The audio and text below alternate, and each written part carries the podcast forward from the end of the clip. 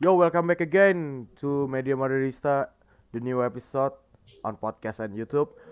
So, jadi eh udah lumayan lama juga ya, kayak udah hampir seminggu lebih. Eh gue lupa kayak semingguan, kayaknya kita udah nggak tag video. Dan ini kita tag di hari Selasa dan kita emang udah sempat agak telat sih menurut gua karena emang hari Kamisnya Madrid bakal lawan Osasuna ya. Eh abis itu bakal lawan LC lagi di hari Minggu atau Sabtu. Jadi benar-benar kita catch up banget. Dan ini kita juga bakal ngebahas tentang pertandingan El Clasico ya di Camp Nou. Madrid menang 2-1 lawan Barcelona dan juga kalau untuk Shakhtar Donetsk lawan Madrid sih mungkin kita nggak bakal bahas lebih cuman eh, lebih bahas permukaannya aja sih karena kita lebih mau ngebahas El Clasico-nya gitu. So jadi eh sebelumnya thank you semuanya yang udah nonton. Eh, make sure you guys eh, subscribe Media Madridista dan juga follow Spotify dan Instagram Media.Madridista. Eh thank you yang udah dengerin dan juga nonton eh, podcast Media Madridista ya. Te- eh, makasih banget kita udah sup- udah disupport dari awal episode sampai sekarang. But anyway, tanpa basa-basi langsung kita bakal ngomongin langsung. Jadi pertandingan El Clasico dulu ya, mungkin 2-1 Real Madrid lawan Barcelona di Camp Nou. Eh kalau menurut lu gimana U? Dari sisi pertandingan tuh menurut lu dari babak pertama dan babak kedua tuh ada perba- ada perbedaan gak sih atau emang bisa dibilang eh Barca tuh emang mainnya bagus lah, cuman kurang kurang kurang beruntung aja. Kalau menurut gua sih Barca mainnya bagus, terutama di babak kedua. Kalau lu sendiri gimana? Ya kalau gue sih setuju sih kalau Barca emang main bagus bahkan bisa dibilang kayaknya kayak kalau se- sebagai fans Madrid ya menurut gue nih kayaknya ini permainan terbaik buat Barca lah Hmm. di selama musim ini kayaknya.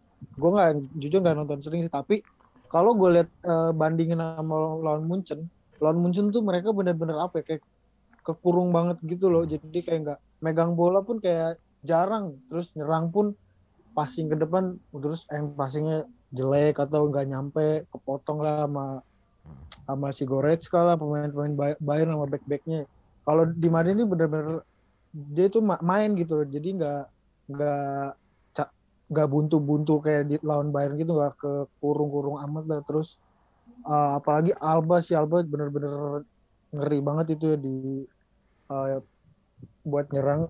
Tapi yang gua gua ini juga ternyata Barca makin ke sini makin sering ini sih apa main crossing Iya, gue udah pernah dengar cuma pas lawan Madrid ini ternyata bener-bener makin makin apa namanya makin kelihatan oh ini Hmm. ser- ser- bener-bener sering crossing jadi gue uh, kan de- pertama dengar dari fans komen-komen dari fans Barca katanya oh ini jadi cro- crossing nggak main kita kata kita kita lagi ternyata bener iya. dan eh, terus kalau Madridnya sebenarnya eh, lebih ke defense eh, kebanyakan defense sih kita se- selama di match itu Mm-mm. kita tuh yang bener-bener eh, lumayan lah nyerangnya.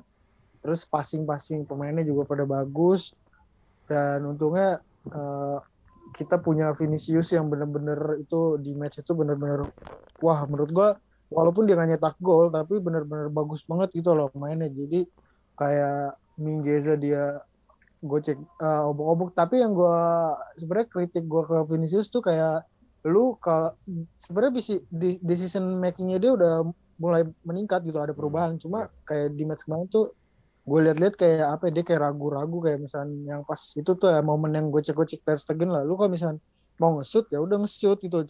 Jangan eh, udah mau nge-shoot terus kayak melihat Benzema ternyata Benzema udah ditutup sama musuhnya baru lu pengen nge-shoot. Kalau Yep. misalnya pengen nge-shoot. Kalau mau bagi bagi gitu. Terus kayak ada momen juga dia kayak udah dapet bola tuh yang pas eh, bola tuh disundul disundul sama Des tuh ke dalam terus dia udah udah dapet itu gue kira bakal gol.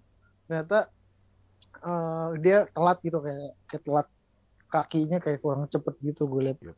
terus eh, di match ini juga sebenarnya bisa sih kalau ditanya bisa gol mungkin empat atau tiga antara kedua tim lah. Karena beberapa kali Barca tuh sama Madrid ada peluang ada big chance yang miss gitu. Terutama kalau dari Barca yang yang gue ingat banget sih yang Des ya yang awal-awal itu menit lumayan awal lah. Ternyata bolanya ke atas. Terus Benzema juga yang udah itu pasnya dari Modric udah bagus banget. Ternyata finishingnya kayak gitu lagi. Iya. ya tapi it's okay lah.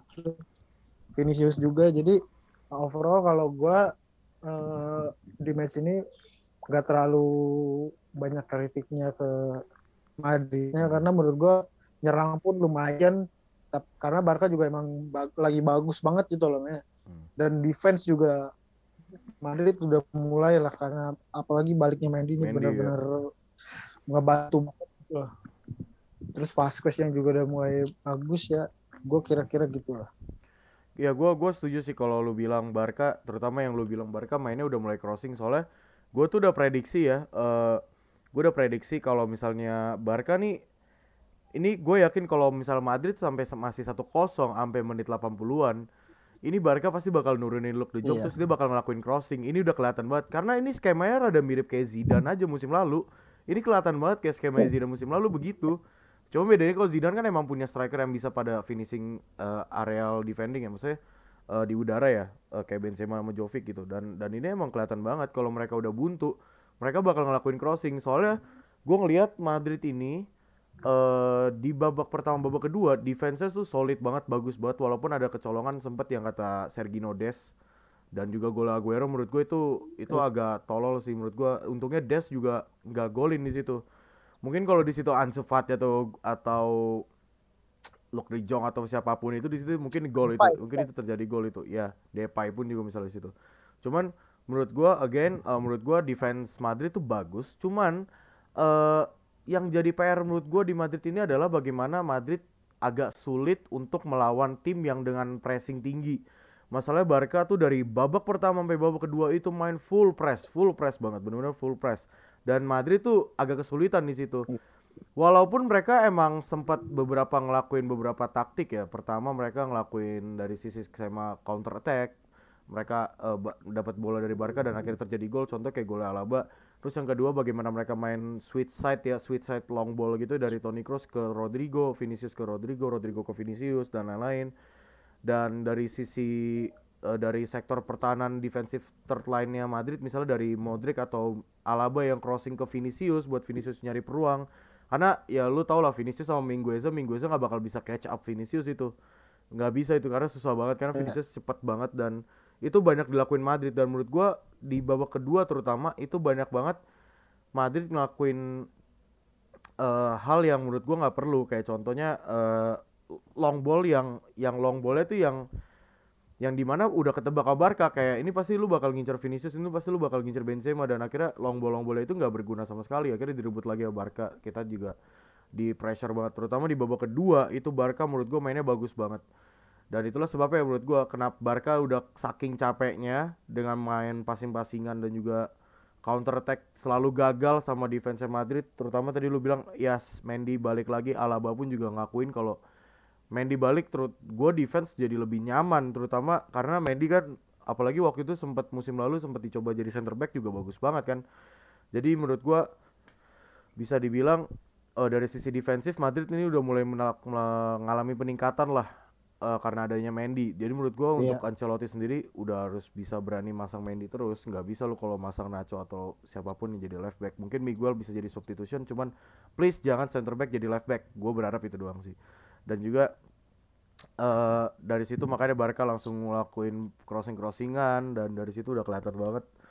Cuman yang pasti sih gue seneng banget terutama eh eh, golnya Vasquez ya itu emang udah kelihatan banget sih backnya Barca udah hancur banget terutama golnya Vasquez. Itu Pique kan soalnya kan dia minta minta minta penalti kan gara-gara katanya dia ngerasa di diving eh dia eh ngerasa di diving dia ngerasa dijatoin padahal menurut gua itu emang dia lebay aja jatuhnya terlalu lebay gitu.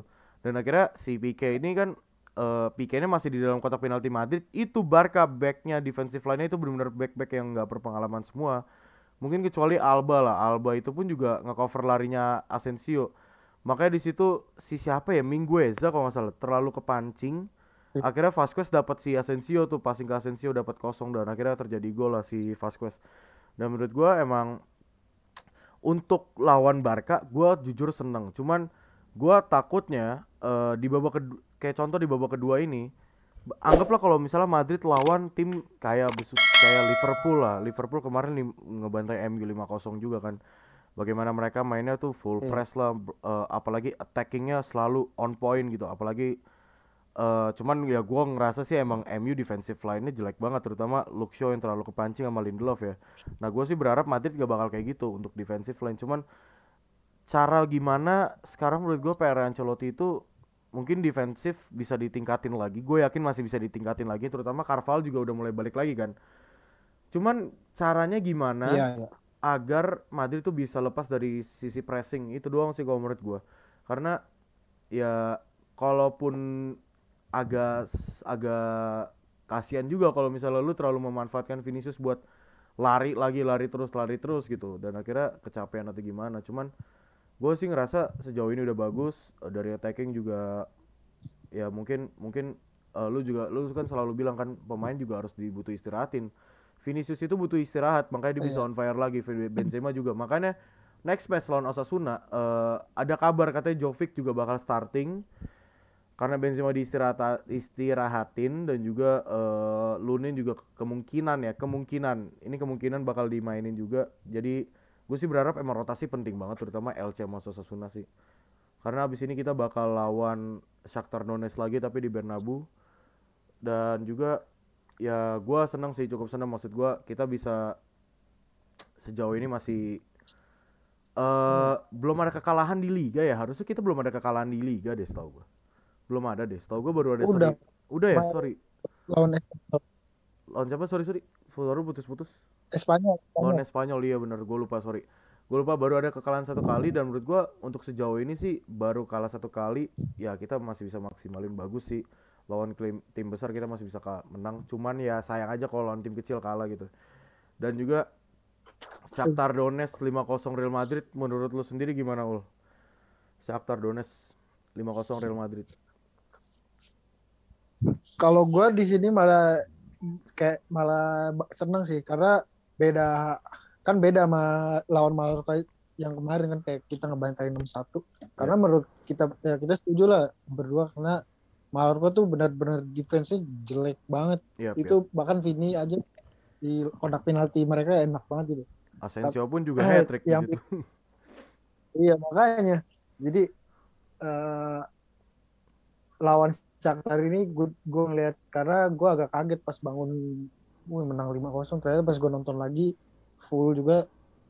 Oh ternyata ya emang eh, lumayan sih Shakhtar juga sebenarnya bukan tim sembarangan karena beberapa kali dia dapat peluang pas Mm-mm. eh, kontak terus eh, itu kan Mendy udah main juga bagus banget karena jadi defense lu bener-bener kebantu. Nah, karena ada beberapa, beberapa kali peluang lah gue lihat Shakhtar eh, se- sempet dapet cuma gagal nah beda kan yang pas lawan Mallorca Hmm. karena pas lawan Mallorca pun ya dia counter attack kayak end passingnya kayak nggak nyampe terus kayak finishing jelek lah. Jadi eh, kalau pas menang lawan Shakhtar ini ya gue seneng banget karena ya ada tim kita ngebantai tim yang lumayan inilah ya kompeten Eh, bukan kompeten sih karena lumayan kuat lah karena nggak selembek nggak selembek Mallorca lah karena itu yap. Mallorca benar-benar parah banget. Defense-nya itu benar-benar parah. Jadi eh, eh, menang lawan Shakhtar ya lumayan bagus apalagi Vinicius yang udah itu brace juga di situ. Terus oh tapi yang jadi yang bikin gua agak kurang di di kan si Rodrigo tuh karena beberapa kali kayak sebenarnya Rodrigo tuh finishingnya bagus tapi kalau misal dia ngelakuin pergerakan kayak mau nyoba crossing atau nyoba penetrasi ke dalam gitu sebenarnya eh, bagus sih. Ada apa namanya ada Hmm. pikiran mau nyoba penetrasi dalam daripada eh, cuma ngandelin crossing. Tapi beberapa beberapa kali kalau misalnya emang dia nggak bisa ke, ke dalam nggak bisa nusuk dia nyoba sih crossing. Tapi dia kayak kadang beberapa kali tuh kayak bodinya kalah lah terus ngadu lah ngadu sprint dia juga kalah.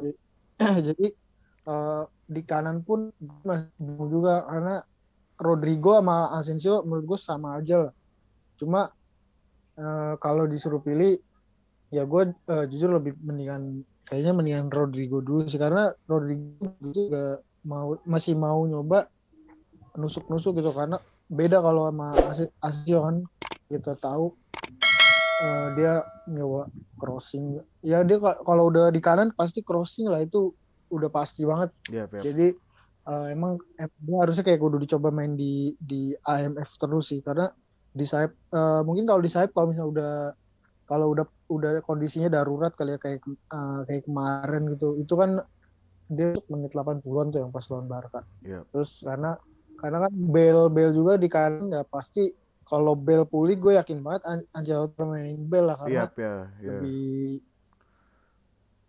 lebih Lebih di proper lah. posisinya, lebih proper di Karena- posisinya, heeh.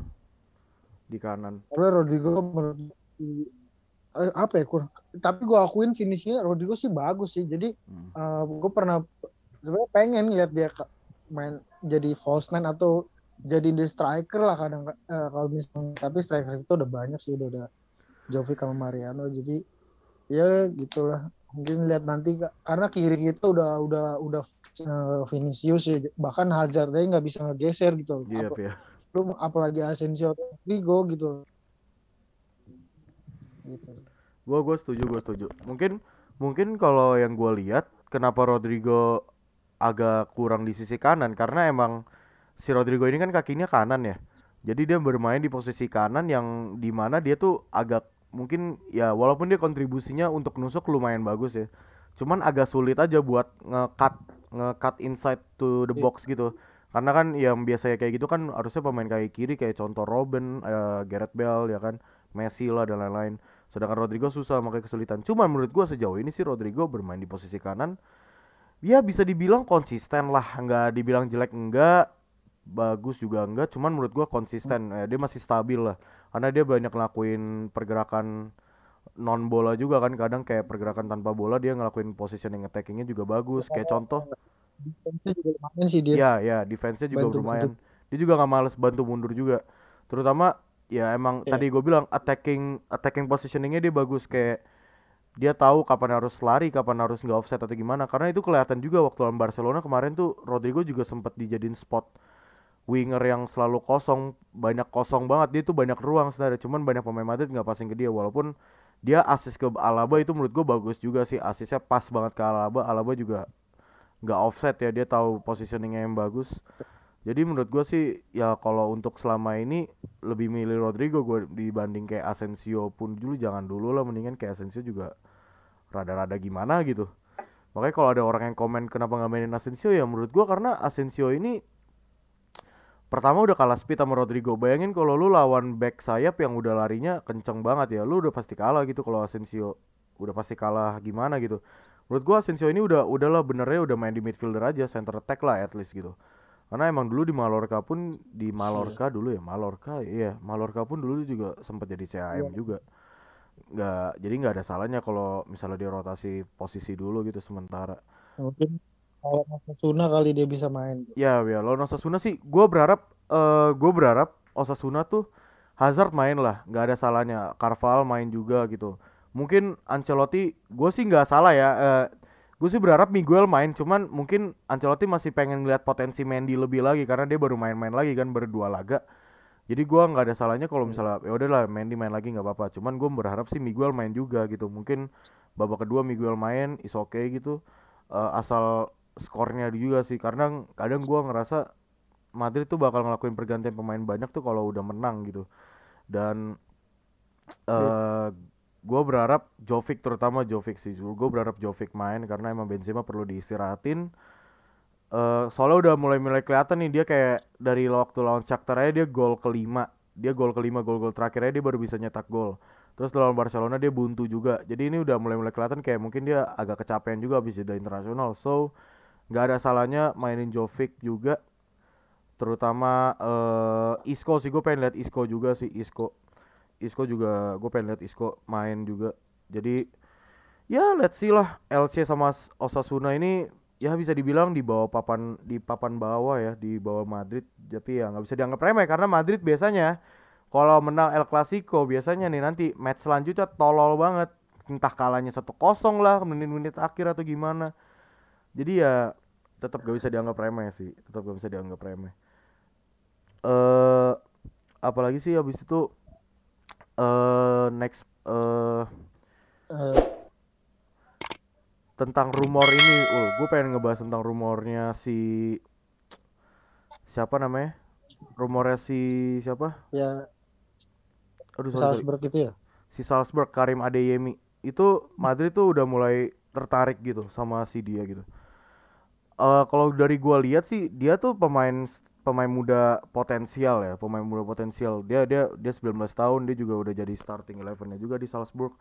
Ya kayak model-model Haaland aja waktu di Salzburg. Cuman kalau dari lu sendiri perlu gak sih Madrid beli dia gitu atau kayak udahlah nggak usah mending kita fokus Haaland aja gitu kayak Mbappe Haaland aja.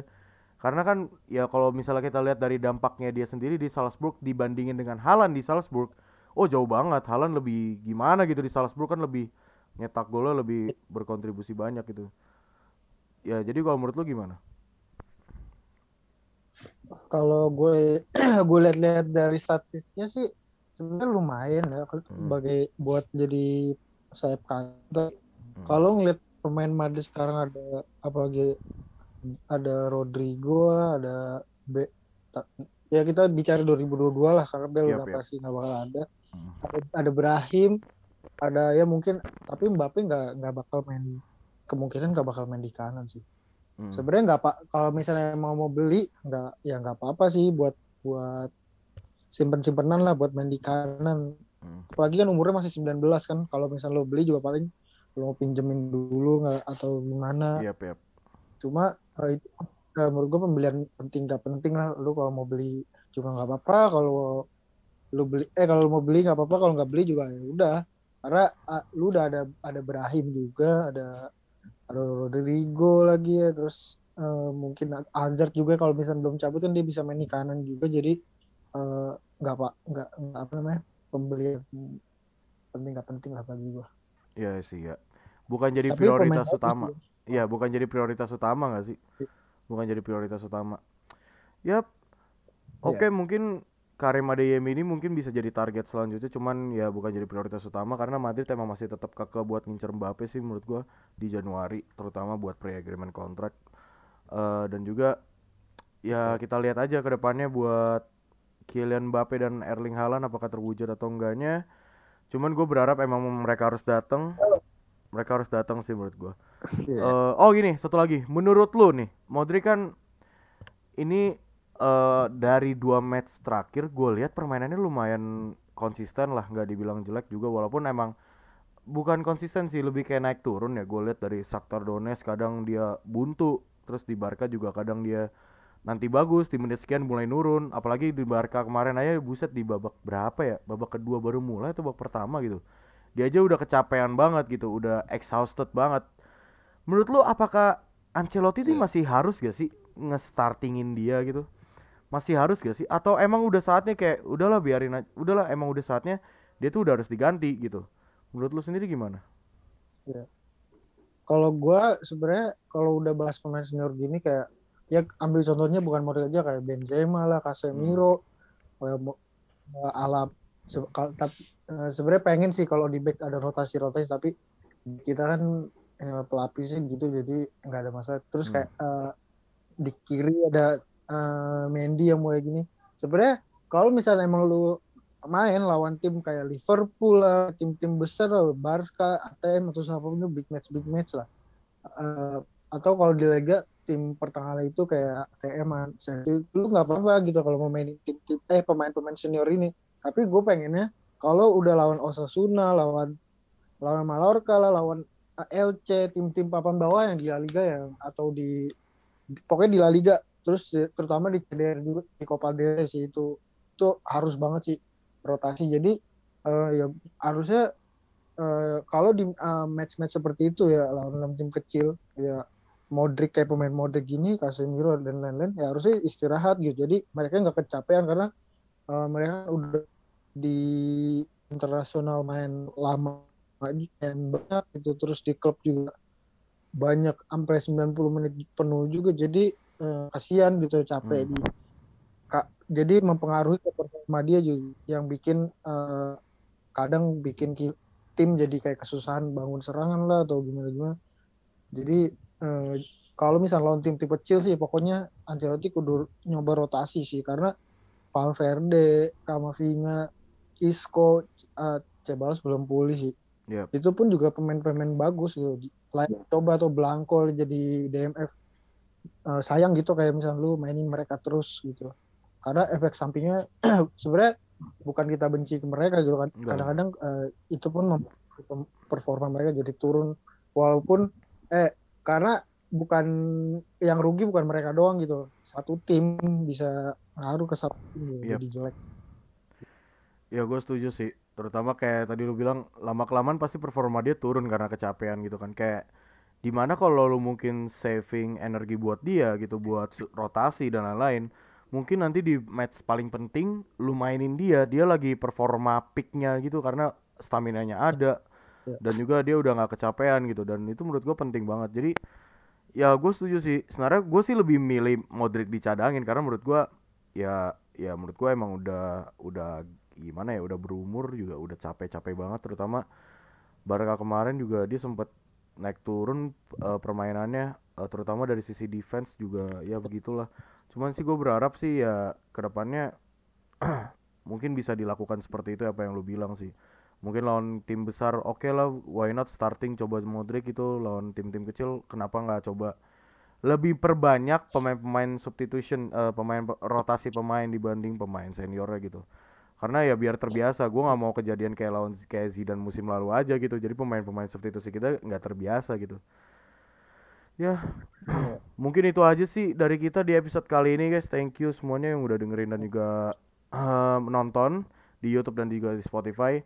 Jangan lupa follow media.madridista dan juga subscribe videonya di channel YouTube dan juga follow di Spotify ya Media Madridista Eh, Oke, mungkin nanti next episode kita bakal bahasnya nanti setelah LC atau mungkin ya kita lihat nanti ke depannya lah. Kalau misalnya nggak ada yang sibuk. So thank you guys for watching and listening. See you guys there. Goodbye.